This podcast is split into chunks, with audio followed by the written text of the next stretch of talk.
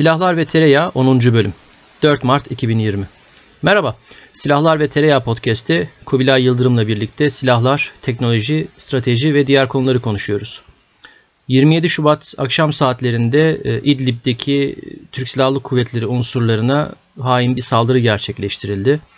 E, çok sayıda şehit verdik ve bu olay ardından yaşanan, başlatılan e, harekatla birlikte hem Suriye iç savaşı hem Orta Doğu hem de belki de bölgesel dinamikleri e, değiştirici bir dizi olayı tetikledi. Türkiye Bahar Kalkanı adı verilen bir harekat şu anda gerçekleştirmekte. Türk Silahlı Kuvvetlerine ait unsurlar İdlib ve civarındaki e, Suriye rejim güçlerine ve onların e, birlikte çalıştığı milislere karşı operasyonlar gerçekleştirmekte. Çok yoğun bir operasyonel tempoya tanık oluyoruz. Özellikle hava unsurları ve topçu unsurları ile birlikte. Harekatın başlaması ve elde edilen sonuçlar Türkiye'nin hem Suriye iç savaşına müdahil olma şekli hem Türkiye'nin iç dinamikleri e, ve özellikle Türkiye'nin e, Rusya Federasyonu ile ilişkilerinde e, bir dizi kırılmaya ya da belki çatlamaya neden oldu gibi gözüküyor. Çok radikal değişikliklerin sanki eşiğine gelmişiz gibi bir hava var.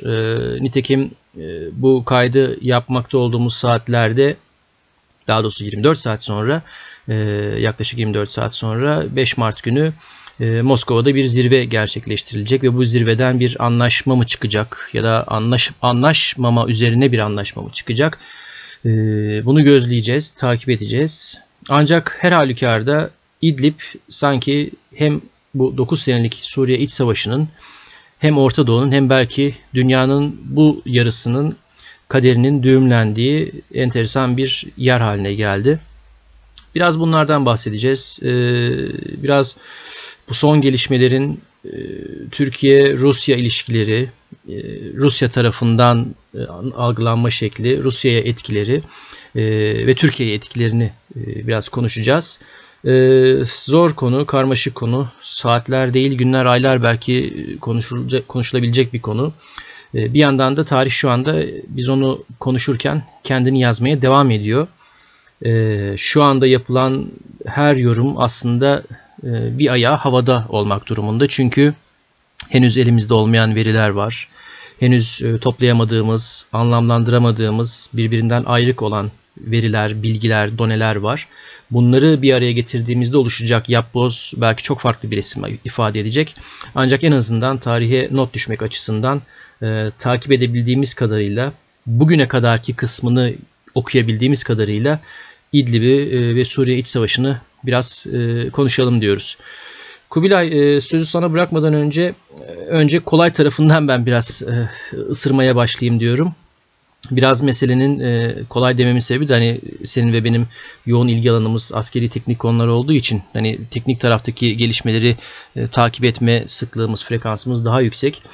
Ee, benim hem temasta olduğum, irtibatta olduğum yabancı gözlemciler, savunma analistleri ya da bu konularda yazan çizen akademisyen takımı hem de genel olarak yabancı basında özellikle Avrupa ve Amerikan basınının ya da savunma basınının e, ortak kanaati aslında Türkiye'nin askeri olarak, teknik olarak e, çok e, kayda değer bir şey gerçekleştirmekte olduğu şeklinde. Yani özellikle insansız hava araçlarının kullanım şekli bakımından ciddi bir başarı gösteriliyor.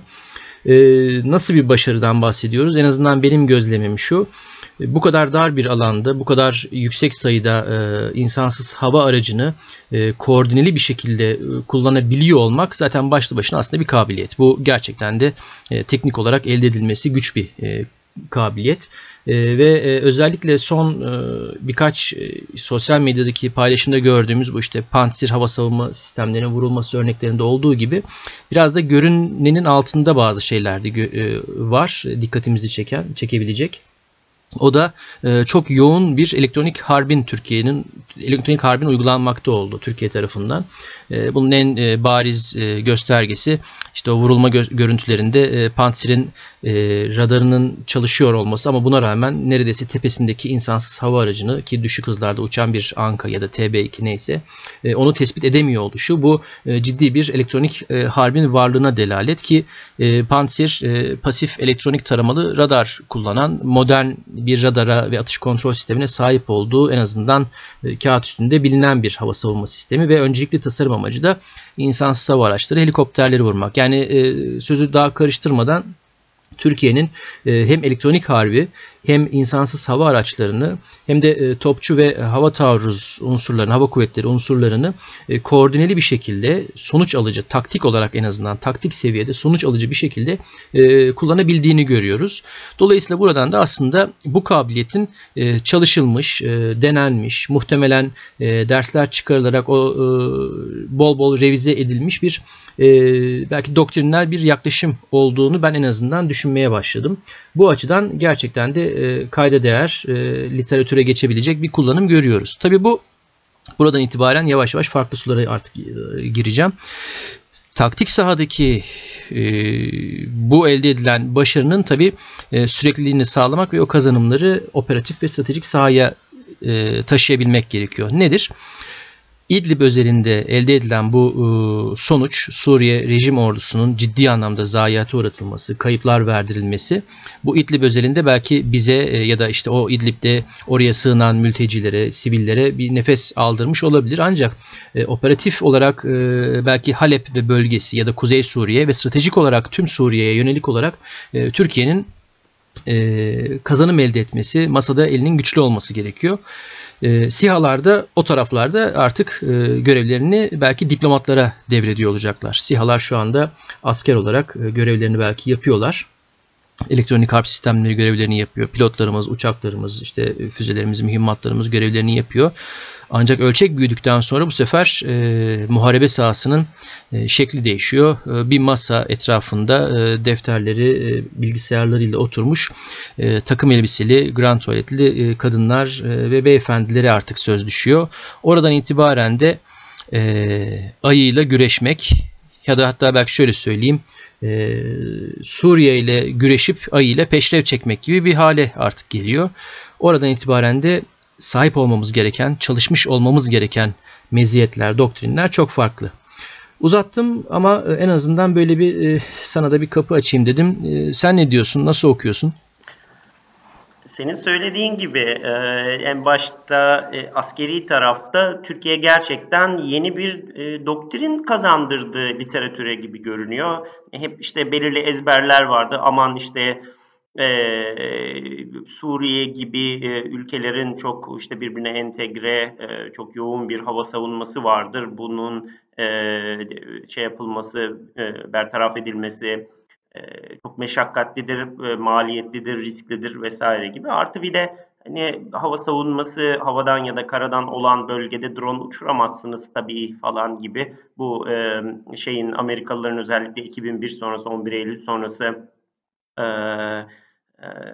global teröre karşı mücadele operasyonlarında çivisi çakılan varsayımlardan birini de sanıyorum Türkiye çürüttü. Baya baya contested dediğimiz şey olan, hava savunması olan bir alanda çatır çatır hiçbir savunması olmayan e, dronlarını hatta silahlı dronlarını da uçurdu ve bunu yoğun olarak gerek birer keşif platformu, keşif te- e, tespit ve teşhis platformu olarak gerekse de e, fırsat hedeflerini avlayan e, bir silahlı platform olarak kullanabildi.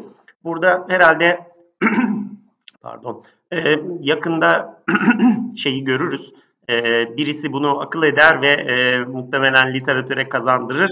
E, özellikle Amerikalıların uzun süredir F-35 ve çeşitli network-centric e, e, diğer platformlar vesilesiyle literatüre kazandırdığı bu cooperative engagement dedikleri evet. kavramın bizim tarafımızdan çok farklı araçlar ve donanımlarla yorumlanmış Cooperative Engagement Alaturka versiyonunu herhalde biz şey yaptık, yazdık. E, bu da nedir? E, biraz önce senin detaylandırdığın gibi işte namlulu topçuyu, roketli topçuyu, e, insansız hava aracıyla birlikte kullanmak ama bu, bu görece daha banal bir metot ama arka tarafta elektronik e, yani o, o imkanı, o alanı açabilmek için, o, o alana zorlayıp girebilmek için en başta e, e, arka taraftan çok çok yoğun e, ve, ve ve değişik e, algoritmalarla, değişik bantlarda e, elektronik taarruz kapasitesini e, ortaya koyabilmek.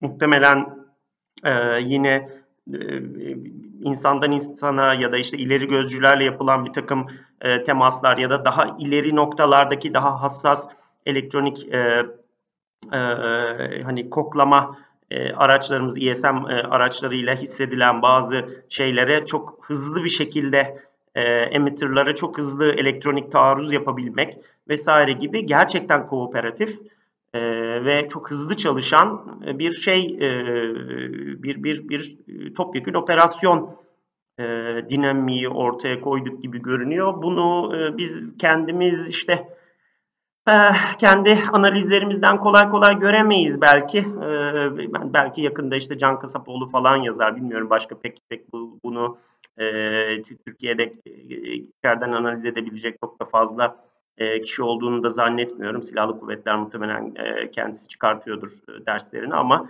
yakında herhalde en azından Rusların raporlarında falan okuruz bunları e, ne olduğunu ama biz e, hatırlarsan daha önce işte şöyle bir yine ufuk turuna çıkalım da Libya'yı konuşalım dediğimiz günlerde biraz bundan bahsetmiştik. Yani e, dışarıdan Doğru. hissiyatı veriyordu. Türkiye'nin Libya'ya ihraç ettiği kapasitelerinden bir tanesi aslında buydu. İşte elektronik harpçiler, e, namlulu topçusu, roketli topçusu ve e, insansız hava araçları e, tümleşiği bu e, Libya'da da çalışıyor gibi görünüyor. Aslında Hafter'i epey epey sıkıntıya uğrattı. Hafter en sonunda artık başladı Grad, Grad'la şeyi doğrudan vurmaya başladı. Vurmaya çalışmaya başladı. Evet ve e, anladığım kadarıyla da eskisi kadar da e, gerek helikopter operasyonlarını vesaireyi falan çok da rahat yapamıyor. E, bu da bir ayrı e, nişane. Evet İdlib'de yapabildiği şeyi e, Türk Silahlı Kuvvetleri aslında bir gemiye bindirip gidip başka bir yerde de e, az çok belki bu kadar etkin olmasa da kurabiliyor. E, bu da tabii elindeki imkanların ve kabiliyetlerin bir tarafıyla Türk tipi hibrit savaş diyebilir miyiz buna? Belki bu tür bir bir e, postürün e, tanımlaması olabilir. Bunun bakalım nereye gideceğine e, nereye gideceğini göreceğiz.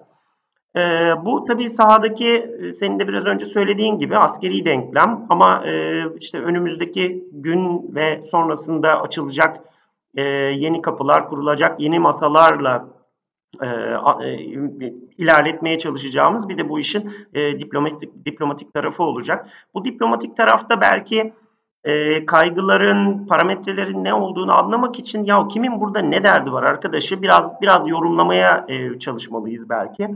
E, ve işte burada şu anda hakikaten işte Suriye'nin zaten başka başka dertleri var ama e, bu Suriye'nin topraklarının içerisinde cereyan eden bir muharebe. Fakat işte mesela Rusya niye orada yahut niye işte biz bir arada da gittik e, İran'ın ya da Lübnan'ın milislerini vurduk vesaire. Buna çok hızlı bir belki giriş yapabiliriz. Ee, bu arada ben tabii bir, bir küçük bir e, es verip arada bir e, ilk defa olarak belki bir İran tümcesi e, kurayım istiyorum. Nedir? E, Türkiye ve İran aslında birbiriyle e, e, iki siyasi rakiptir. Askeri olarak rakiptir, siyasi olarak rakiptir. E, bunun daha çok hep e, mezhepsel tarafı konuşulur. İşte biri Şia'dır, öbürü Sünni'dir. Ondan dolayı bu tiş kakıştır vesaire dense de o kadar e, tek bir şeyle anlatılabilecek e, bir mezhep parantezi içerisinde e, sınırlandırılabilecek bir rekabet değil bu. Bu, bu en başta siyasi bir e, siyasi bir rekabettir ve hep de öyleydi. E, Katılıyorum. Mezhebin ve dinin bir e, bu bu rekabet içerisinde bir araç e, ve bir avantaj bir yol olarak kullanılması bunun mezhepsel bir ayrım olduğunu e, işaret etmez. Bu siyasi bir e, rekabettir. Peki e, bir süredir de tabii biz ne yapıyoruz? E, işte 2007 ya da 2008 diye yanlış hatırlamıyorsam işte Brezilya ile birlikte ya rahat bırakın şu adamları da hani evet. nükleer nükleer neyse artık Bunu bir kontrol altına alalım. Bu adam da ne, ne istiyorsa sivil olmak şartıyla hadi yapalım dedi ve aslında Türkiye'nin e, vay işte Batı Paktı'ndan kayıyor mu senin ne haddine diye bombalandığı ve aslında ilişkilerin ilk çatırdadığı şey de o aslında. E, o çıkışı aslında Türkiye'nin e, Türkiye'nin bir erken öten horoza benzetildiği belki. E, gerçi benzetildiği diyorum o benzeten ben de olabilirim sadece. E, ilk ilk ilk olayda odur.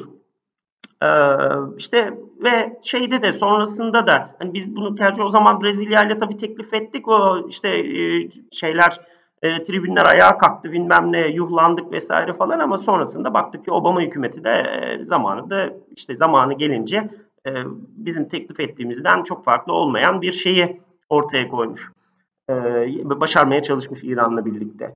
E, onun sonrasında işte şimdilerde de mesela Suriye'de de işte bir e, üçlü bir sac ayağı oluşturalım dedik. İran masanın bir tarafında, e, Rusya bir tarafında. Burada tabii genelde sığ yorumlar ya işte e, hani Türkiye İran'ın tarafında, e, İran'ı siyasi olarak güçlendiriyor mu burada, şudur budur falan filan bir şeyler söylenip tabii duruyor. Bunların bir kısmının tabii pek temeli yok.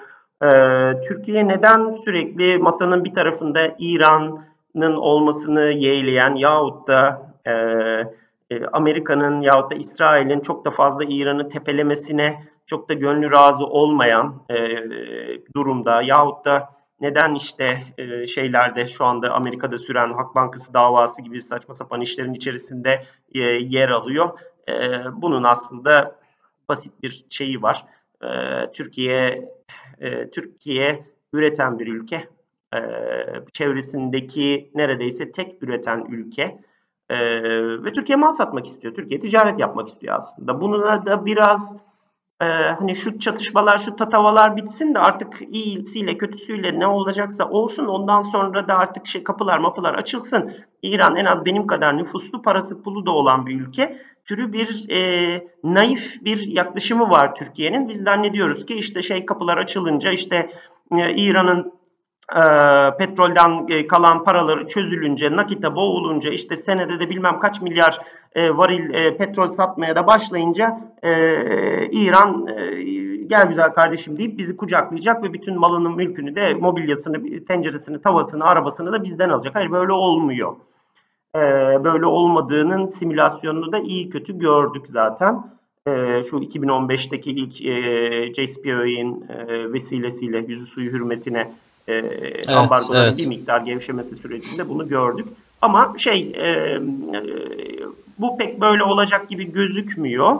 E, ama nedense Türkiye'de sürekli vay ben beton satacağım işte şey yapacağım orada inşaat yapacağım. Hani biraz böyle şey gibi işte Libya'nın kalkındırılması falan filan ya da Suriye'nin ayağa kaldırılması gibi böyle naifane e, bir bir ticaret kapısı, gelir kapısı olarak bakıyor İran'a. Bu pek böyle olmayacak. E, bu da burnumuzdan gelecek gibi duruyor. Bu, bu da işte enteresan şeylerden bir tanesi. Benim senelerdir hiç anlamadığım meselelerden bir tanesi. Bunun dışında e, İran'ın tabii bütün o şeylerini işte kendi mezhebi şeylerini de kullanarak Suriye üzerinde oradan Lübnan vesilesiyle işte İsrail üzerine kurmaya çalıştığı baskılar şunlar bunlar kendi e, bir aralar gaza gelip işte kendi petrolünü ve gazını e, gerek işte Kuzey e, Irak ve e, Suriye üzerinden işte Akdeniz'e akıtma projeleri vesaire falan filan yani o da dış kalelerini e, kendisi için e, jeostratejik gördüğü yerleri e, korumaya çalışıyor. Peki Rusya neden Suriye'de? Yine bunu da belki kısaca şey yapabilirsek ee, Rusya'nın da e, Libya'da, Suriye'de falan olmasının asıl sebeplerinden bir tanesi sıcak denizlere açılmak vesaire falan. Bunlar tabii ayrı jeopolitik postürler onlar bir şey. E, o da aslında enerjisinin derdinde. Yani e, Rusya birazdan bir miktar daha belki detaylıca konuşuruz. Geçen e, e son podcast'te de Soğuk Savaş vesilesiyle de biraz işte e, e bir ön e, şeylerine ısınma turlarını atmıştık. E, Rusya'nın e, ciddi bir takım e, açmazları, sıkıntıları vesaireleri var ve e, hep konuştuğumuz şey aslında İtalya kadar bir ekonomi ve bir sürü insanı doyurmak zorunda. Çok e, görece İtalya falan gibi ülkelere göre çok büyük, e, çok kaynak yutan ve çok daha kalabalık bir ülke. E, ve tabii bir şeye, bir bir gelir kapısına ihtiyacı var. Rusya maalesef halen o şeyi e, katma değer yaratır sektörleri vesaireleri kuramadı ve e, şu anda en büyük gelir kapısı petrol, doğalgaz. E, bir sonra da zaten işte silah milah vesaire ve bu doğal kaynaklar geliyor işte titanyumundan bilmem nesine falan rezerv satmaya kömür mömür falan filan işte şey bir, bir yandan da işte tarım ürünlerini satmaya çalışıyor. Ee, onun pa- pazarını korumaya çalışıyor ve e, bu tabii petrol ve doğalgaz yani enerji güvenliği ve enerji e, e, güvenilirliği ya da erişimi konusu çok jeostratejik bir konu. E, şeyinde tabii Rusya'nın da çok iyi anladığı bir konu. Orada da işte çeşitli hamleler yapmaya çalışıyor. Birazdan daha detaylıca konuşuruz. Rusya'nın başka zaten satıp satabileceği, yaratıp yaratabileceği başka bir değer de yok. Onun için gerçekten işte enerjinin nereden nereye çıktığı, hangi pazara, hangi şeyin ulaştırıldığı falan meselesi önemli. Onun için de Rusya için e, en başta sadece Tartus limanı olarak falan görmemek lazım bunu. Suriye taraflarında oralarda bir yerlerde askeri olarak e, olabilmek de önemli. Daha doğrusu bir enerji ulaşımı e, projesi olarak başlamış bu Suriye iç karışıklığına bir enerji sağlayıcısı olarak müdahale eden ellerden biri e, olmak gibi bir kaygısı var. Onun için de biz de şu anda yüz yüze karşı karşıya geldik Rusya'yla. Enerji benim çok maalesef maalesef çok üzülerek e, yakın takip edemediğim ya da çok anlayamadığım bir konu. Aslında anlamamız anlamam ya da gereken bir konu. Çünkü e, aynı aslında e, ilaç sektörü gibi enerji de savunma sanayi gibi e, stratejik en belki stratejik sektör. E, ve e, doğrudan doğruya ülkelerin ulusal güvenlikleriyle dış politikalarıyla içli dışlı bir sektör.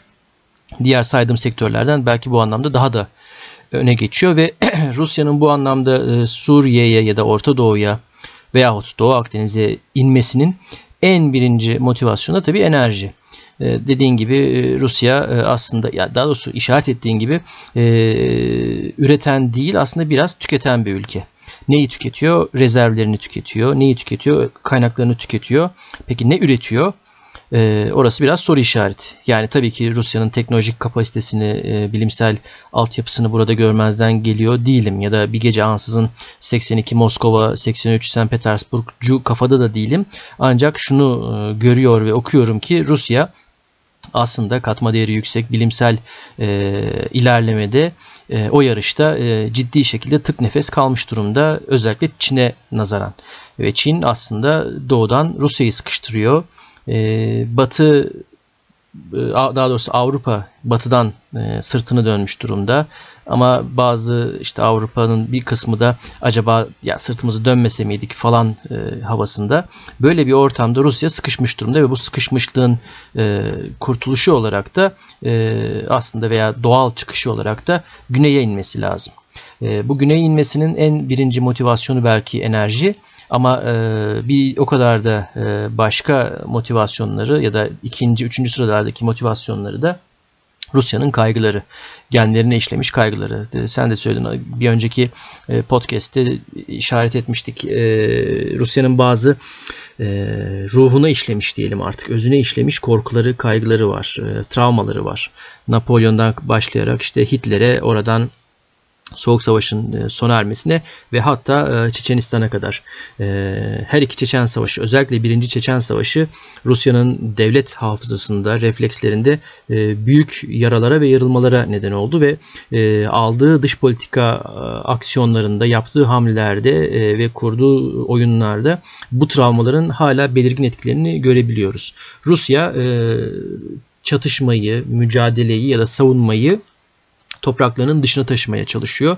Ve Suriye'de aslında hem enerji bir anlamında bu savunmayı öteye taşımanın bir parçası hem de toprak bütünlüğü ya da ulusal güvenlik, askeri güvenlik anlamında da bu savunmayı e, öteye taşımanın e, bir başka e, cephesi, en önemli cephesi. Geldiğimiz yer çok ibret verici hakikaten. 2015 Eylül'ünden bu yana çok hızlı bir şekilde Suriye'nin neredeyse yönetimini devraldı. Tartus ve Hmeymim'i resmen kendisine kattı. Oralarda Suriye'nin kanunu bile işlemiyor. Hatta geçen günlerde nerede gördüm hatırlamıyorum. Bir kısa video parçası vardı. Ocak ayında Ocak 7 Ocak'tı galiba Putin Suriye'yi ziyaret etmişti Esad'la görüşmeye. E, hangisi hatırlamıyorum Hımeyim olabilir. Bir üsse geliyor e, Putin ve işte Rus askerlerinden oluşan bir e, tören kıtası var. Onu selamlayacak. Yanında da Esad yürüyor. E, Rus bir yüksek rütbeli asker Esad'ın kolundan tutuyor ve onu durduruyor. Sen gidemezsin. Putin kendisi selamlayacak diyor. E, Esad da e, neden durdurulduğunu anlayarak tamam tamam ben burada kalıyorum gibi bir işaret ediyor ve Putin tek başına orada e, askerleri selamlıyor. Nitekim aynı ziyaretin ilerleyen saatlerinde de bir harekat komuta merkezinde e, yani ortamın, e, mekanın sahibi gibi e, Putin e, pozlar vermişti ki aslında çok da haksız sayılmaz. Mekanın sahibi haline geldi. E, ve Suriye burada aslında e, bir sıçrama tahtası gibi olmuş durumda.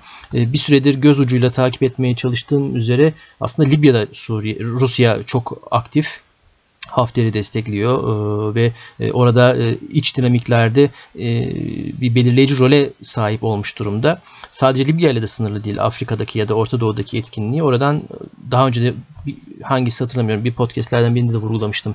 Orta Afrika Cumhuriyeti ve diğer Sahra altı Afrika ülkeleriyle de ilişkilerini süratle geliştirmeye çalışıyor. Bu geliştirmeye çalışma bizim klasik manada anladığımız diplomatik karşılıklı ilişkiler, alışveriş, işte kazan kazan prensibi gibi de değil. E, bu ilişki kurma biçimi biraz Rusya'nın masaya benim koşullarım bunlardır senin içinde uygun gördüğüm koşullar bunlardır şeklinde sanki ilerliyoruz. Suriye bunun aslında en güzel örneği. Ee, Türkiye'ye belki e, enerji konusunda hatta muhtemelen S-400 ve benzeri konularda e, Türkiye'nin önüne koy, koyduğu, koymaya çalıştığı şeyler de bunun gibidir. E, hep denir işte e, pazarlıkta e, bir ilk turda Ruslar işte 10 e, dolar e, teklif eder. Karşı taraf 9 e, dolar önerir. Bir sonraki turda Ruslar bu sefer 12 dolar teklif eder. Öyle bir pazarlık yaparlar. Rusya bunu anlıyor çünkü bunu biliyor. Bu anlamda ince diplomatik manevralara ne kadar hakimler bilmiyoruz. Ve özellikle son dönemde de bunu birey olarak da gözlemleme şansına sahibiz. Sosyal medya, Twitter üzerinden işte Rus Dışişleri Bakanlığı'nın çeşitli ülkelerdeki büyükelçiliklerin resmi Twitter hesaplarından çok böyle künt yontulmamış e, tabirimi mazur gör, mazur görünüz e, odun nezaketinde e, mesajlar görüyoruz. En son dün işte e, Türkiye'ye sözüm ona Ayastefanos anlaşmasını vurgulayarak hem Türkiye'ye hem, hem Bulgaristan'a e, mesaj verdiler. E, sanki böyle çok satır arası subliminal mesajmış gibi.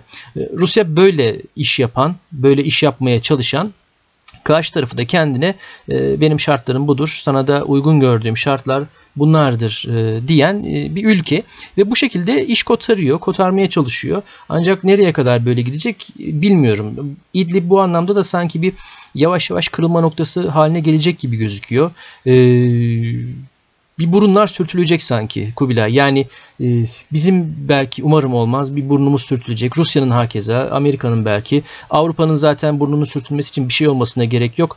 E, herhangi bir işte Real Madrid Barcelona maçı bile Avrupa Birliği içinde bir krize neden olabilir. Bu, bu olgunlukta, bu yetkinlikte ve bu e, kapasitede bir topluluk haline dönüşmüş durumda. En son zaten mülteci kriziyle görüyoruz. Avrupa Birliği içerisinde 100 bin tane mülteci e, yaşam kalım savaşına dönüştü.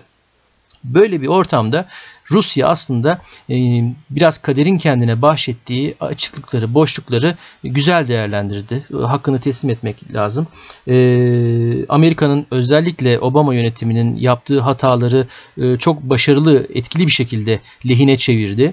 Bir yandan NATO ile olan o dirsek özür düzeltiyorum NATO ile olan o, o mücadelesinde, itiş kakışında e, ciddi anlamda e, karşı hamleler yaparak kazanımlar elde etti. E, Gürcistan NATO'ya üyelik konuşuyordu. Gürcistan toprak kaybetti Rusya ile savaşarak. Ukrayna NATO ile üyelik görüşüyordu. Hala görüşüyor. E, Kırım'ı kaybetti. Ülkenin doğusunda hala işte kaç 4-5 senedir e, devam eden çatışmalar var. Türkiye NATO'nun en önde gelen müttefiki şu anda e, Rusya tarafından çevrelenmiş durumdayız. E, Bulgaristan, Romanya desen zaten tir tir titriyorlar. E, böyle bir ortamda NATO'ya karşı en azından pozisyonunu korumayı başardı. Son olarak şunu söyleyeyim. Pozisyonunu korumayı başardı. Aslında sanki Rusya'nın şu anda en önemli gündemi gibi gözüküyor askeri olarak pozisyonunu korumayı başarmaya çalışıyor. Bunu nasıl görüyoruz? E, Armata gibi, Su-57 gibi iddialı, e, pahalı, biraz gösterişli projelerin yanında esasen şu anda Rus e, Silahlı Kuvvetleri'nin, Savunma Bakanlığı'nın en öncelikli projeleri hep mevcut sistemlerin modernizasyonu ya da mevcut sistemlerin türevleri üzerine olanı idame etme ve ilave kabiliyetler kazandırma yani. Ulusal savunma anlamında pozisyonunu korumaya çalışıyor. Nedir? Kendi toprak bütünlüğünü ve ulusal güvenliğini korumak için işte Suriye müdahalesi, Libya'da bir şeyleri karıştırma, enerjiyi tabi burada pas geçmemek lazım ekonomik olarak pozisyonunu korumaya çalışıyor. Enerji ihracatı e, ve e, içeride ciddi anlamda tasarruf tedbirleri uygulama, bütçe kesintileri uygulayarak ekonomik olarak en azından negatifi durağına çevirmeye e, çalışan, bunu önceleyen bir politika ve yine pozisyonunu koruma derken Putin'in anayasa reformu, Medvedev'i istifaya zorlaması, adını hatırlamadığım, yüzünü dahi görmediğim bir ismin başbakan olarak atanması ve Putin'in muhtemelen ömür boyu çarlığını de facto ilan etmesi. Şu anda sanki Rusya aslında e, pozisyonunu korumak için gerektiğinde çok hırçınlaşan bir e, konuma gelmiş gibi gözüküyor. Doğru. Ee, çok bence o şeyi e, kilit cümleyi doğru kurdun. Rusya'nın derdi e, önümüzdeki belki 10 yıllar içerisindeki de derdi mevcut pozisyonunu koruyabilmek. E, mevcut pozisyonun içerisinde demografiyi de e, katabiliriz. Dünya arenasında Birleşmiş Milletler Güvenlik Konseyi'ndeki ağırlığını da koyabiliriz. E, çevresindeki periferik özellikle de eski Sovyet e, döküntüsü ülkelerdeki etki alanını da koyabiliriz. Çin'le yaşadığı e, e, e, hafif rekabet e, konusunda NATO ile vesaireyle de falan işte bir de sattığı biraz önce konuştuğumuz sattığı malların pazar değerini korumaya da e, uğraştığını görüyoruz. Hakikaten e, söylediğin gibi işte e, çok böyle apar topar e, bir anda şapkadan çıkan tavşan gibi bir bir anayasa değişikliği yaptılar e, Rusya'da yakın zamanda. Bu çok böyle süper alışık olunan bir şey de değil Rusya için. Ama e, bununla ilgili herhalde e, bu anayasa değişikliğinin özellikle yönetim konusunda işte Putin vesaire e, bakanlıklar şudur budur falan konusunda şu e, gök kubbe altında herhalde söylenmedik laf kalmadı ama ben biraz daha tali e, şeylerine dikkat çekmek istiyorum. Aslında gözden kaçan şeylerin başında e, mesela Rusluk tanımının değiştirilmesi, e, Doğru. işte hani eşcinsel e, eşcinselliğe bakışın anayasada e, imaen değiştirilmesi şöyle oldu ya da böyle oldu demiyorum ama e, işte kelimelerin ona göre değiştirilmesi, e, çocuk bakımının anayasal e, güvence altına alınması gibi enteresan bir takım e, eklentiler de oldu. Yani e, şey e, Rusya e, çok büyük topraklara sahip e, şey bir ülke.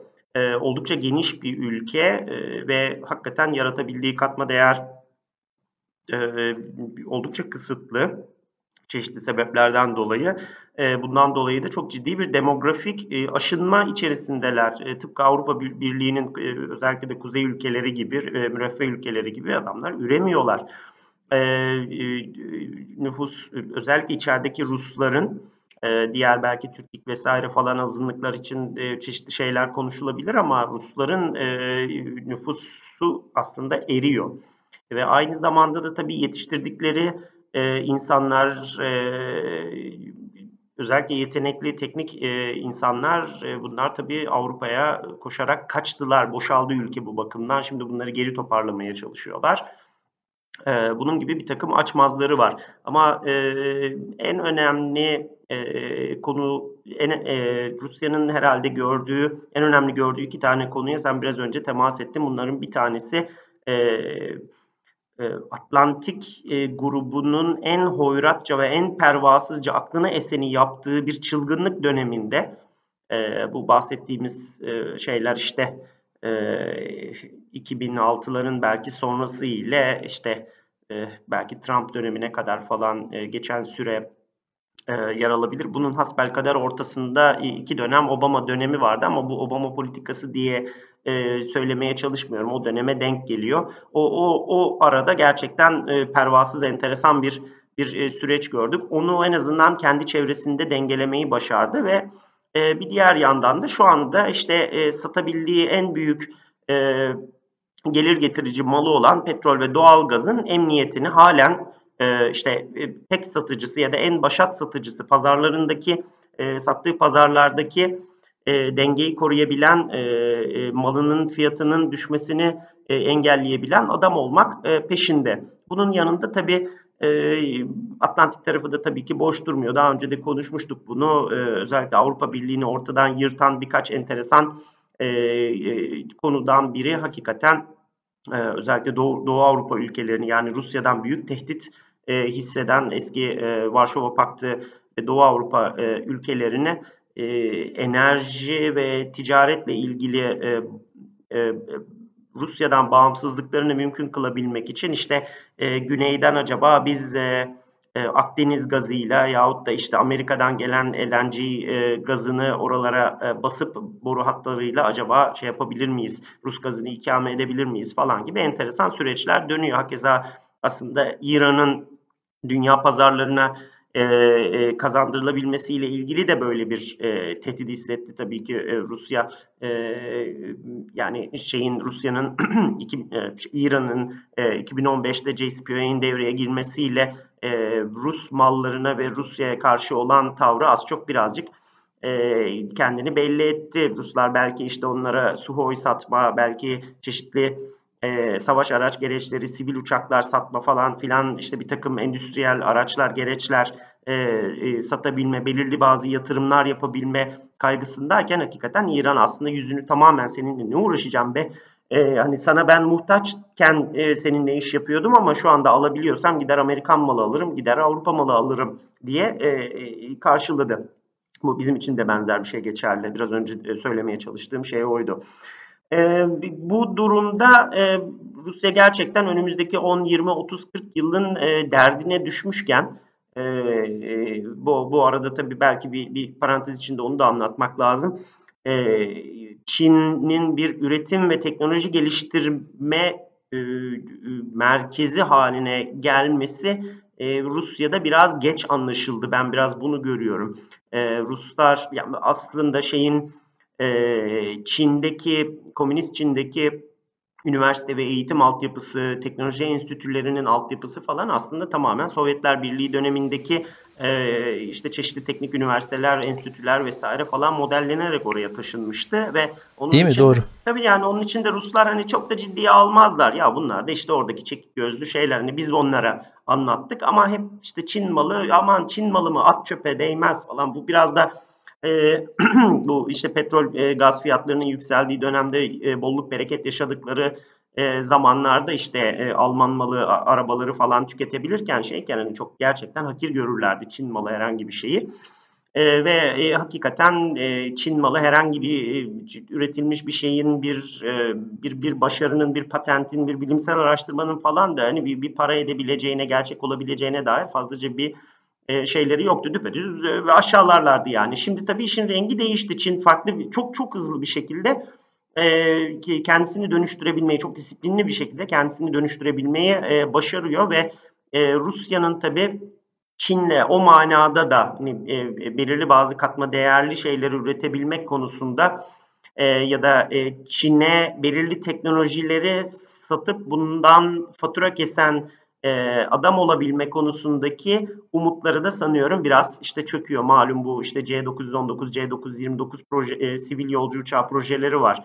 E, malum 929'da işte şeyle Suho'yla e, e, Çin'in, Aviki'nin birlikte e, geliştirme yapması falan filan gibi şeyler söz konusu ama e, bir yerden sonra e, tabii Ruslar orada e, ben kürsüde daha yüksek e, yerde otururum çünkü aslında bu işin sahibi benim. Hani havacılık benden sorulur falan diyen e, Rusya e, şu anda artık havacılık konusunda kendisini son derece geliştirmiş. E, e, birkaç değişik işte yolcu uçağı projesi yapmış, onları deneyen, başarılı, başarısız falan filan hale gelmiş bir ülke olarak baş başa kaldı ve e, eskisi gibi tabii Çin'i falan e, e, horlayamayan ve e, Çin'le de önümüzdeki dönemlerde de kolay kolay rekabet edemeyecek bir e, bir Rusya var. Bu da dertlerinden bir tanesi. Yani doğu sınırı ve do, e, şeyde e, serbest piyasadaki komodite anlamında da e, e, rekabet e, şansının gittikçe daraldığını hisseden Ondan sonra işte e, Sibirya'nın e, ileri uç beyliklerinde nüfusu gittikçe azalan, Rus nüfusu gittikçe azalan, içerideki işte kazadır, şeyidir, onların e, e, nüfusuna karşı dezavantajlı pozisyonda olan ve genel olarak da nüfusu azalan e, bir bir Rusya'nın e, kaygısını görüyoruz. E, bu sebeplerle de işte e, daha önce de konuştuğumuz çeşitli askeri operasyonların peşinde ama en çok da işte ben hayır burada burada olacağım e, pet, petrolün e, şeyinin başında olacağım diyor. Şimdi e, şeyle ilgili de bu özellikle İdlib e, özelinde süreci nasıl gördüğünü e, birkaç noktadan ısırabilmek mümkün. Bunların hepsini buraya sığdırıp anlatmamız e, kolay olmaz. Kafa ütülemiş oluruz muhtemelen. Ben önemli gördüğüm sadece birkaç e, şeyden bahsedeceğim. E, Rusya hakikaten Eylül 2015'te çıktı geldi e, e, şeye Suriye'ye ve biz e, gerçekten dört tarafımızdan artık e, e, Rusya tarafından çevrelenmiş halde hissediyor idik kendimize.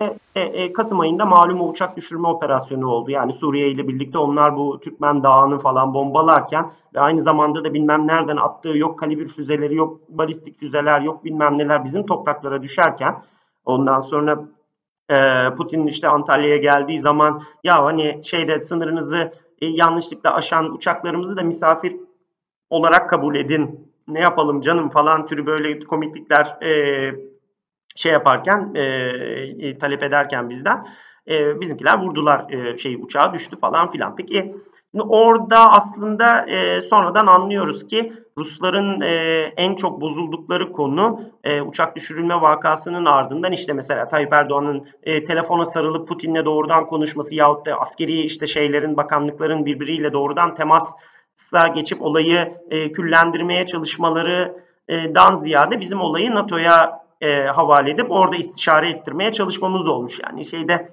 bu e, şey gibi tabii e, muhtemelen anlamamak lazım. Evet Ruslar bunlardan bundan dolayı e, uçaklarının düşürülmesi işte pilotlarının kaybından dolayı müteessirdir muhakkak ama Ruslar bu konuda bir tık daha liberaller. E, bir savaşa bir şeye operasyona gidiyorsa ya bu olabilir e, mesela Amerikalılardan falan daha e, rahat kabullenebilen adamlar olduğunu görüyorum ben. Amerika'nın hakikaten askerinin üzerine doğru mermi attığın zaman falan da o falan bir sürü şeyle karşılaşıyorsun. E, Amerikalı o konuda çok daha rigid. Benim askerimin işte kılına zarar verdiysen sen artık dünyanın en kötü insanısın ve cehennemin kapılarını açıyorum sana e, falan diyebilen enteresan e, memleket. Ee, ama ne oldu tabii 2015 Kasım'ında biz bunu NATO'ya istişare için gittiğimiz zaman NATO bizimle dalga geçti. Yani vay işte Erdoğan'ın e, siyasi e, şeyleri, hırsları için e, Suriye'deki bilmem nesi için işte Ruslarla karşı karşıya gelemeyiz. İşte NATO'nun Article 5'i mi? Hayır düşünülemez falan türü. NATO'nun hakikaten büyük e, ülkeler özellikle de Avrupalılar e, böyle abuk subuk şeyler konuştular. İstişare dahi etmeden. Bu çok salakça bir şeydi, tavırdı. Bu benzer bir şekilde de az önce anlattığım bu yaklaşık 10 yıllık e, şeyin e, Atlantik grubunun gerçekten pervasızca e, istediği gün Libya'yı dümdüz etmesi, e, istediği zaman Suriye'yi karıştırması, bilmem nereye operasyon düzenlemesi, Ukrayna'da ya da bilmem nerede işte renkli devrimler yapmaya kollarını sıvaması falan dönemine denk geliyor. Ve bu arada biz tabii şapa oturduk kaldık. Yani e, aslında e, biz NATO'ya girdiğimizden beri bize ne tembihleniyorsa e, biz operasyonel olarak, prosedürel olarak onu yaptık. Hem Ruslarla arayı bozduk hem de NATO'dan ağzımızın payını aldık. Ondan sonra da işte süreç farklılaşmaya başladı. İşte herhalde Türkiye'nin suratına vurulan en büyük şaplaklardan bir tanesi bu budur. sonrasında da zaten ikinci şaplak herhalde 15 Temmuz darbe girişimiyle geldi. Ondan sonra hakikaten Türkiye muhtemelen işte ben kendi yaramı dikerim demeye çalıştı iyisiyle kötüsüyle. Bu buradaki şey tabi saçma sapan şeyler yapıp abuk subuk konuşmak dışında beceremeyeceği bir bir dolu işe girip onu berbat etmek dışında çok da fazla bir e, girişimi bir hareketi olamayan hani Avrupa ve Atlantik grubunun yanında çok böyle e, şey satranç hamleleriyle başı sonu şeyi belli hareket eden bir Rusya'nın hareketliliği, girişkenliğinin arasında kaldık. Yani e, işte sert güçlerin birbirini sert güçle dengelediği enteresan bir sürecin ortasında kaldık. O zaman da tabii gayet doğal olarak e, Türkiye Rusya ile iletişimini e, geliştirdi. Bu, bu son derece doğal bir şey. Hem kuzeyden, güneyden, sağdan, soldan e, kuşatılmışsın Rusya tarafından hem de aynı zamanda e, şeyler işte özellikle Avrupa Birliği yukarı basıp ve yukarı bakıp e, ıslık çalarken Amerikalıların ne yaptığı belli değilken Rusya baya baya işte senin kapını çalıyor. Ve burada e, işte oturup onunla masaya şey yapıyorsun. Bunun sonu tabii S-400'e kadar gitmek zorunda değildi. E, bu ayrı bir konu ama biz de işte e, Rusya ile belirli bir iletişim, bir bir güven e, zemini, bir bir platform kurmaya çalıştık. E, burada bizim de eforumuz ve e, feragat ettiğimiz şey çok. Belki Rusya'nın da çok ama gün sonunda işte İdlib'de şu anda bu iş test ediliyor. Ve e, buranın sonucunun nereye varacağını görmek gerçekten zor. E, Türkiye muhtemelen kendisinden hiç beklenmeyen tipte e, biraz önce de e, kısmen detaylıca konuştuğumuz işte kendi e, Alaturka e, angajman kapasitesini e, hem Rusların üzerine ama en çok da Suriye ordusunun ve işte İran'ın milislerinin de aslında üzerine salmış oldu. Burada bir bir detant bir bir e, karşıyı dengeleme e, kapasitesi olduğunu en azından e, göstermiş oldu. Belki daha cebimizde e, başka e, tavşan şapkanın içinde başka tavşanlar da var. Bunun olup olmadığını kimse bilmiyor tabii ki. Ve gün sonunda çok e, eskale olmadan e, bizim e, ağır kayıplar vermiş olmamıza rağmen yine de çok eskale olmadan bu mesele bir masa çevresine hızlı bir şekilde gelmek durumunda kaldı. E, fakat ben özellikle son günlerdeki çıkışlarından yani Rusya'nın işte e, Dışişleri Bakanlığı'nın Twitter aracılığıyla Aya Stefanos'u işte 93 Harbi'ni vesaireyi hatırlatmaya gerek duyması zevzekliklerinin arkasında şeyi de seziyorum.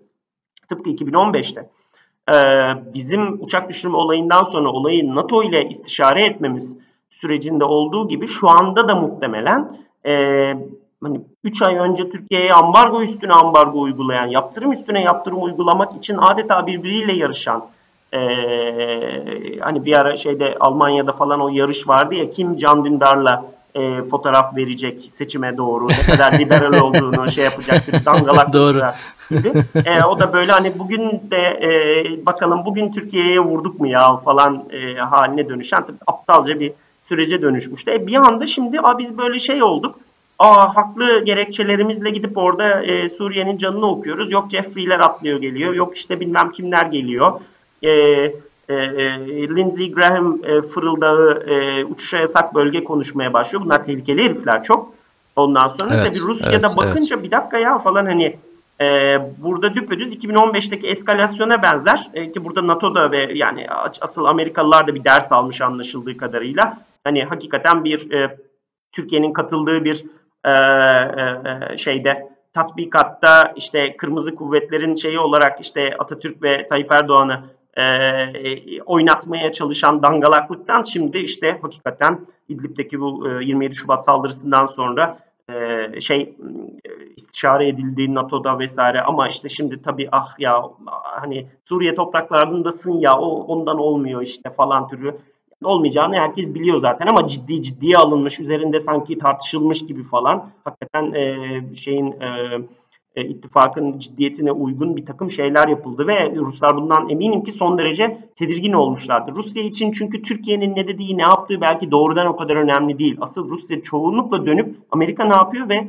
NATO ne yapıyor diye bakıyor. Çünkü hakikaten Amerika gerçekten ya Avrupa Birliği biraz şey orada var yok arası böyle biraz Türk gibi çünkü Amerika gelip gerçekten burada e, e, Avrupa Birliği'nin e, arka bahçesinde ve hatta içinde bile son zamanlarda çok ciddi e, at oynatabilme kapasitesinin olduğunu gösterdi. İşte adam şey yapabiliyor. E, Doğu Avrupa e, e, ve Balkan ülkelerini e, gelip oradan Atlantik'in öbür tarafından e, örgütleyip ya merak etmeyin ben buradan bak şimdi terminal kurarım, yüzer e, gazifikasyon üniteleri kurarım. Siz de oraya sağa sola biraz böyle stoklama e, şeyi kurarsanız, kapasitesi kurarsanız işte şeyden e, Yunanistan'dan, oradan buradan işte Türkiye'den e, falan filan ben size e, Doğu Avrupa'ya gaz basarım yahut da şeyden gaz basarım.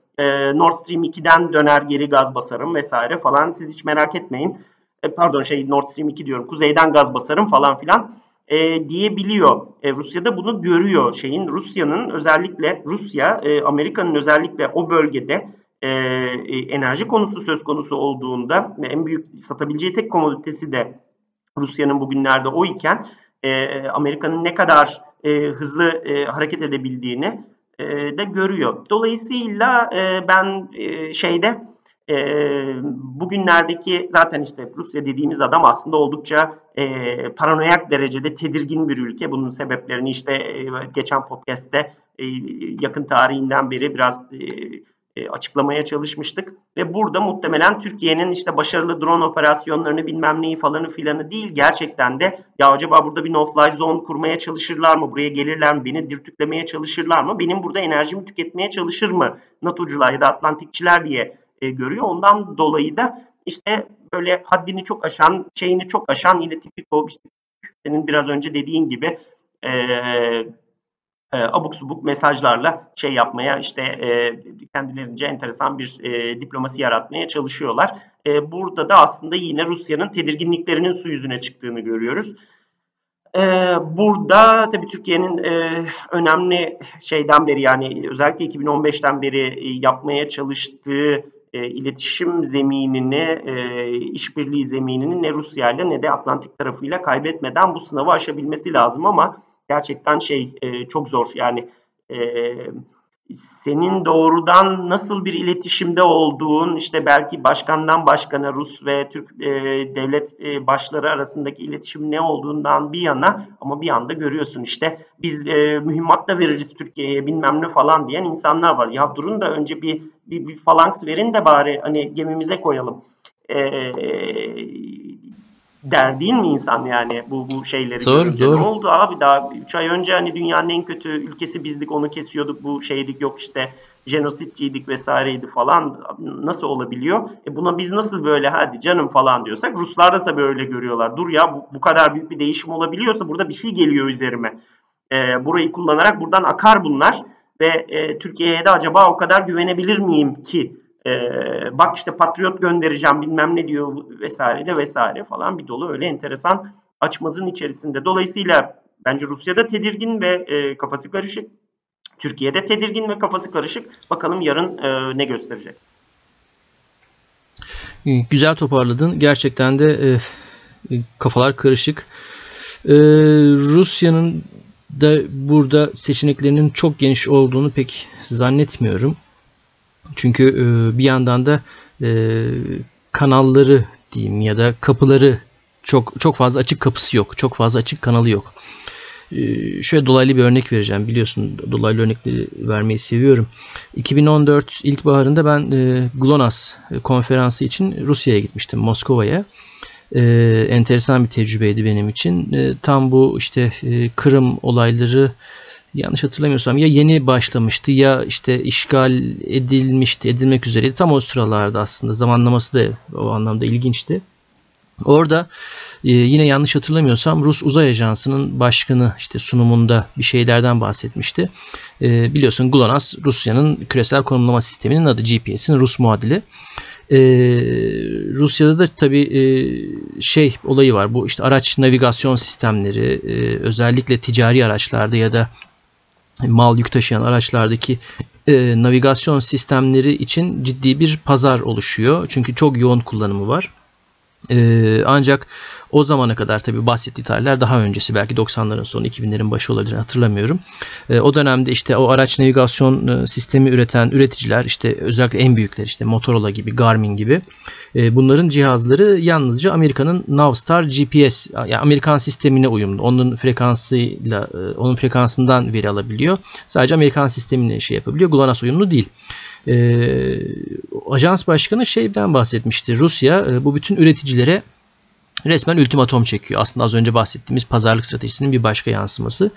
Ee, ya bu GLONASS uyumlu cihazlarınızın GLONASS uyumlu versiyonlarını üretir ve Rus pazarına öyle sürersiniz ya da sizin Rusya'da her türlü mal hizmet satmanızı yasaklarız. Rusya'ya Rusya'nın kapısına içeri giremezsiniz.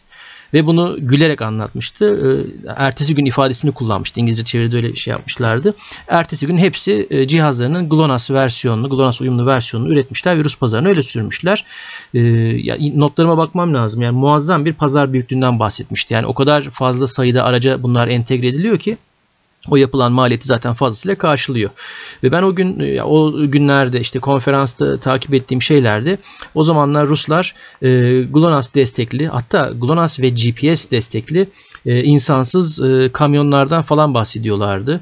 E, kapalı alanlarda GPS sinyallerinin güçlendirilmesinden bahsediyorlardı. Neden? Madenlerin, devasa madenlerin içine insansız kamyonlar girecek, yükü toplayacak, madenin dışına insansız bir şekilde çıkartacaklar falan.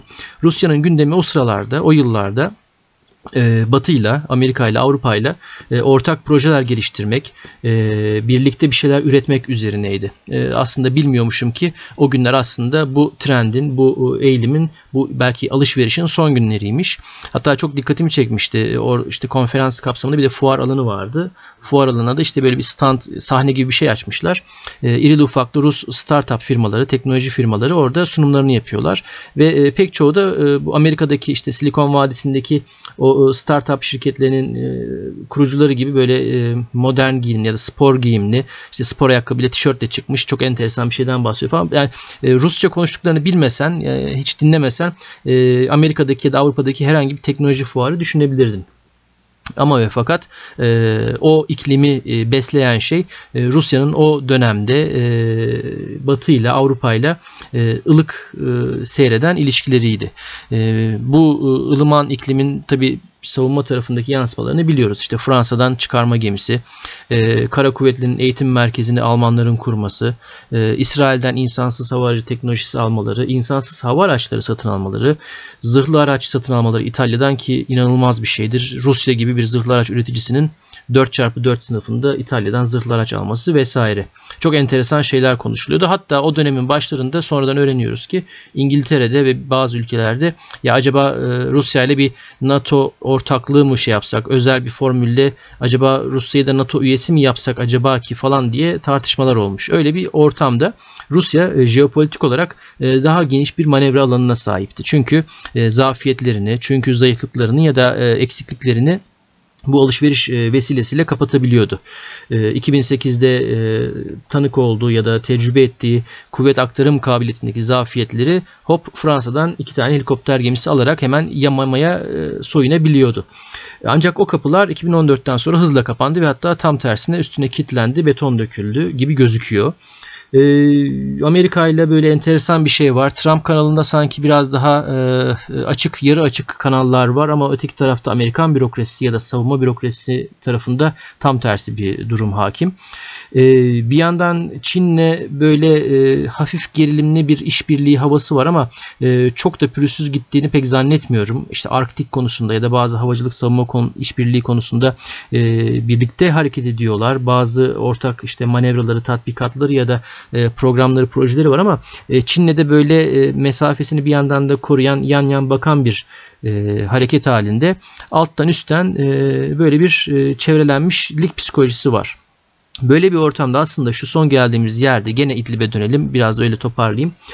Ee, Suriye'deki kazanımları, Rusya'nın e, İdlib'deki manevraları ve işte Suriye'deki kazanımları e, biraz e, İran'ı da törpüledi. Az önce bahsettiğin e, tarihçe ya da yakın e, işte geçmişte yaşananlar, özetler İran'da şu anda geldiğimiz yerde aslında ciddi anlamda kan kaybediyor gibi gözüküyor. En azından ben öyle görüyorum. Süleymani suikasti bu e, kan kaybının çok sembolik bir örneği oldu. İran e, gücünün sınırlarını, yayılma ve nüfuz genişletme kabiliyetinin sınırlarını gördü acı bir şekilde. Üstüne kendi kendine çelme takarak Ukrayna uçağının düşürmesi olayındaki gibi e, bayağı bir rezil kepaze oldu. İran'ın iç dinamikleri zaten çok karışık. Orada İran devrim muhafızları ve devrimin çocukları diyelim artık e, öyle bir kadro ile devlet bürokrasisi ya da farklı e, hizipler arasında aslında ciddi çekişmeler olduğunu biliyoruz. Alttan alta dipten dibe kaynayan orada çok ciddi bir e, rahatsızlık var ve İran'da sokak e, sokaklar ciddi anlamda belirleyici olabiliyor ya da yol verici, yönlendirici olabiliyor iç siyasette ya da ulusal siyasetin şekillenmesinde. İran o anlamda rahat değil. Üzerine Bahar Kalkanı Harekatı ve Rusya'nın e, varlığı, Rusya'nın e, hamleleri İran'ın Suriye'deki Suriye gibi güçlü bir onun için önemli bir müttefik ya da kaledeki varlığı ciddi anlamda tehlikeye düşmüş durumda. Suriye'deki olayların gidişatına göre İran'ın Irak'taki varlığı muhtemelen etkilenecek gibi gözüküyor ki Süleymani suikastinden sonra Irak'ta çok enteresan şeyler de oldu. Hani çok fazla protesto gösterileri de oldu. Böyle bir ortamda İran'da da ciddi bir geriye doğru gidiş, bir e, zayıflama gözüküyor gibi gözüküyor. E, var gibi gözüküyor. Böyle bir ortamda İran'ın e, ciddi anlamda bir gerilediğini görüyoruz ve bu ortamda aslında Rusya biraz nefes alıyor gibi. Ancak Suriye'nin Suriye iç savaşının sonucuna göre bu nefes alma geçici mi, kalıcı mı onu herhalde göreceğiz. Diyelim e, senden de son bir toparlama rica edeyim. Sonra bu bölümü kapatalım. Ee, bir, yani şey e, doğru söylüyorsun. Ee, biraz önce e, anlatmaya çalıştığım şey oydu. Rusya taşların birazcık yerine oturduğunu düşünürken şimdi İdlib konusunda ki aslında biraz bu İdlib meselesini de kendisi kaşıdı. Ee, ve geldi burada e, hiç beklemediği bir tepkiyi bizden gördü. Ondan sonra e, o e, şey üzerine e, o, o başarı üzerine şimdi Amerikalılar üşüştüler e, olayın üzerine falan. E, burada bir hatta işte bu 27 Şubat saldırısında Rusya'nın da e, kinetik bir katkısı olduğuna dair halen bir soru işaretimiz var. Bizim resmi demeçlerimiz e, hep rejimin olduğunu e, vurgulasa da belki orada da Kantar'ın topuzunun kaçtığını düşünüyor e, Rusya. E, ve burada e, hakikaten senelerdir yaptığı kazanımları e, ve e, hani ucuzundan çok da fazla da e, paçayı kaptırmadan e, elde ettiği ucuz başarıyı e, ter, e, gerisin geriye e, şey yapma, kaybetme gibi bir endişe içerisinde olduğunu tahmin ediyorum. İşte bir süredir aslında yaptığımız şey yani e, adamın pansirini bilmem nesini falan filan bam gün vuruyoruz. Doğru hani işte bunlar Rusların elinde muhtemelen çok daha etkili falandı filandı ama işte malda bu yani. Ee, ve işte belirli bazı efsaneleri muhtemelen e, şu anda e, şeye gömüyoruz. E, toprağa gömüyoruz. Tek başımıza bir de ambargolu halimizle bunu yapıyoruz. Ee, doğru, doğru. Ve bir yandan da tabii az önce söylediğin gibi İran'ın da ciddi açmazları var bu şeyin içerisinde. Ee, işte birkaç önceki e, Suudi Arabistan'a e, yaptıkları o e, İran'ın yaptığı drone saldırısındaki şeyleri, başarılarını vesaireleri konuşmak bir yana ama bir de tabii gerçekten de İran'ın arka tarafta artık ambargolarla inim inim inliyor olması e, gibi e, bir derdi de var. Yani e, tabii yine Rusya'da demografiyi konuştuk, İran'da da demografiyi konuşalım. İran'ın bir de Rusya'dan daha beter bir demografik açmazı var. Evet şu anda Türkiye kadar bir ülke doğru ama şimdiden e, ortalama e, yaş e, İran'da bizdekinden de daha yüksek. Şu anda hemen hemen bizim yaşımızda 80'lerin ortasına kadar falan doğmuş olan insanların hepsi 7-8 çocuklu ailelerin çocukları.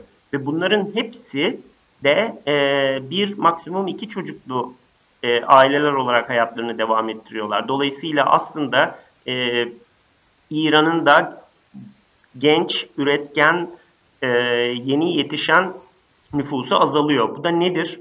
Ee, yarın öbür gün e, ambargolardan bir nefes alabilse, dünya ekonomik hayatının içerisine e, karışabilse, e, İran'ın e, sosyal ve işte ticari hayatını destekleyecek genç e, dinamik insanların sayısı az, e, çok az. Buna nazaran işte bu ne zaman olur artık bilmiyorum. Yakın zamanda emekliliğe doğru ayrılacak olan insan e, ve üretkenliği çok düşecek olan insan sayısı ise çok fazla. E, bu özellikle önümüzdeki 10-15 sene içerisinde kendisini muhtemelen daha çok gösterecek. İran hızla yaşlanacak. E, ve ticari hayat vesaire bir yana bir de işte İran sürekli bir yerlere şey e, milis işte ölecek kınalı kuzular falan filan gibi böyle adam şey yapıyor ihraç ediyor. Ve e, bunların da tabii yani bu, bu tür insanları hakikaten e, 10 küsur yaşında endoktrine edersiniz. 16, 17, 18 yaşında da bir yere e, bir cepheye sürersiniz. Orada işte bir şeyler olur, şu olur, bu olur. İşte bu insanların sayısı da azalıyor İran'da. Ve insanların da hani Çin için falan konuşulur. Herkesin biricik bir, bir, bir tane, iki tane e, oğlundan, kızından bahsediyoruz. E, bu bakımdan tabii e, İran'ın e, işte kuvvet aktarımı mı diyelim ona artık ne demeli o bakımdan da e, açmazları var. Ve e, aynı zamanda da tabii işte 80-90 milyonluk ülke olduğun zaman bu yine de bir şey ediyor işte. Ama yine de e, işte malum e, İran'ın e, şeyindeki kuzeyindeki Hazaraları aldılar getirdiler Suriye'ye işte şeyin e, IŞİD'in önünde parçalattırdılar malum yani işte böyle de bir evet. şeyleri falan filan da var e, kendi sınırının daha ötesinde bir alana e, bu mezhebi şeylerini kullanarak hükmedebildiği için işte e, bizim de galiba en son vurduğumuz ekiplerden bir tanesi işte gitti cenazeleri Lübnan'da gömüldü. Bunlar Lübnan Hizbullah'ından falan filan.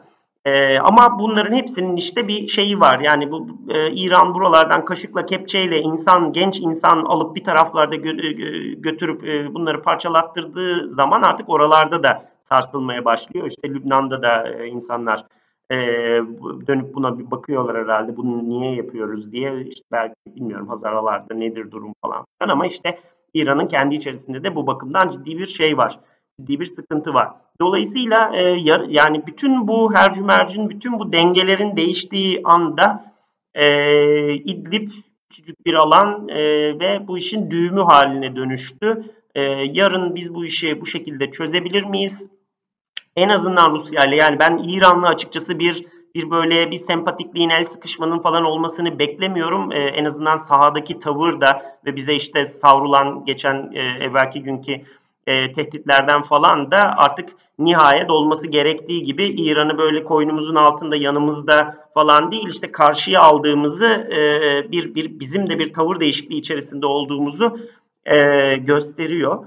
E, ama en azından Rusya ile bir e, bir iletişim zemini e, bu işi oldurmaya yönelik bir e, zemin e, yaratabilecek miyiz? E, onu yarın göreceğiz. E, izlemesi, görmesi, belki sonrasında yorumlaması oldukça ilginç bir süreç olacak. Ee, ona ne şüphe. Kesinlikle izlemesi, not alması, anlamaya çalışması ve anlayamaması ilginç bir süreç olacak. Daha söyleyecek çok söz var. Ee, bizim de söyleyecek çok e, lafımız olacak gibi gözüküyor. Böyleyken böyle. Silahlar ve Tereyağın bu bölümünün de sonuna geldik. Bir sonraki bölümde görüşmek üzere.